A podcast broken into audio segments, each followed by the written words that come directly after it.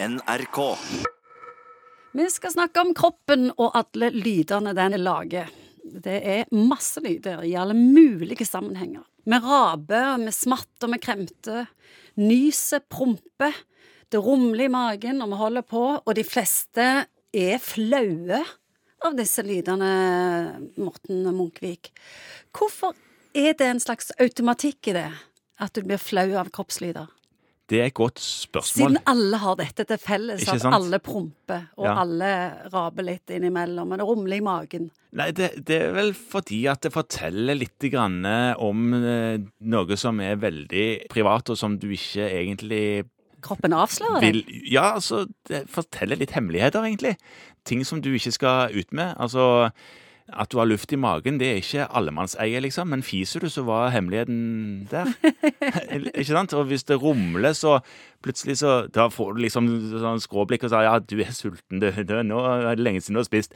Men det trenger jo ikke være det. Det kan bare være at det rumler. Kanskje, kanskje har du spist noe du ikke tåler. Altså et eller annet. Det forteller Det innleder til en samtale som du ikke nødvendigvis er komfortabel med å ha.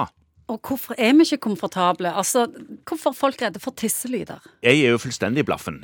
Ja. Både meg og deg gir fullstendig blaffen. ja. Det er godt vi nå- ikke har lyden. Nå snakker vi for alle de andre. Morten. Ja, vi snakker for alle de andre. Ja, eh, nei, Hvorfor må folk ta på kranen når de tisser? jeg vet, noen må jo det for å få i gang tissingen i det hele. Samt Fordi at de, de, de får ikke tist uten at det der er lyd av sildrende vann. Men nei, altså eh, Jeg vet ikke helt hvorfor det skal være så, så avslørende at Er det tillært eller et naturlig instinkt, tror du? Jeg tror vel egentlig at dette her er mm, noe som samfunnet har skapt. Jeg tror litt det. Er det mor og far? Nei, det er ikke bare mor og far, det er samfunnet. Man går inn på do og låser døren, og man sitter liksom der fordi at der skal man være alene, og det er en privat greie. Jeg sier ikke at man skal sette toalettet midt i stua? stua og tenke at dette blir stas. Det er ikke det jeg sier.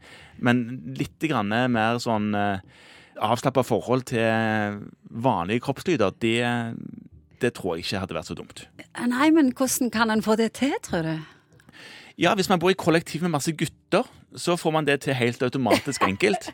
Der går det, går det hardt for seg med, med det. Er det mellom kjønnene? For jeg tenker jo at eh, jenter er jo òg skrudd sammen sånn at de lukker ikke igjen dør og do, for du er så sosial og må snakke hele tida. Ja, ikke sant? De klarer jo ikke å gå alene på do. Så det er mellom kjønnene gjerne det oppstår.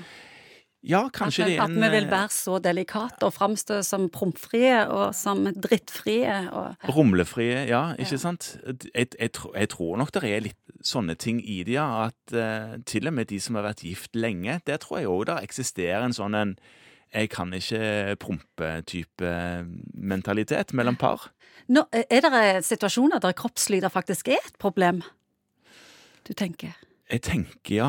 Det er jo en Hvis- kroppslyd som ikke er så framtredende, men den burde jo vært der på radio. Og det er at nå, nå kunne det knakt. Ja. Det er jo mer det motsatte, at hvis man har vært operert i magen og fått eh, narkose, eller ikke bare i magen, men hvor som helst, og så er man eh, på postoperativen, og da venter man på en måte på en promp, for det da funker tarmsystemet igjen, ikke sant? Og da er alle glad. Så da får man applaus For prompen sin. for, for, for, for prompen sin, ja. NRK.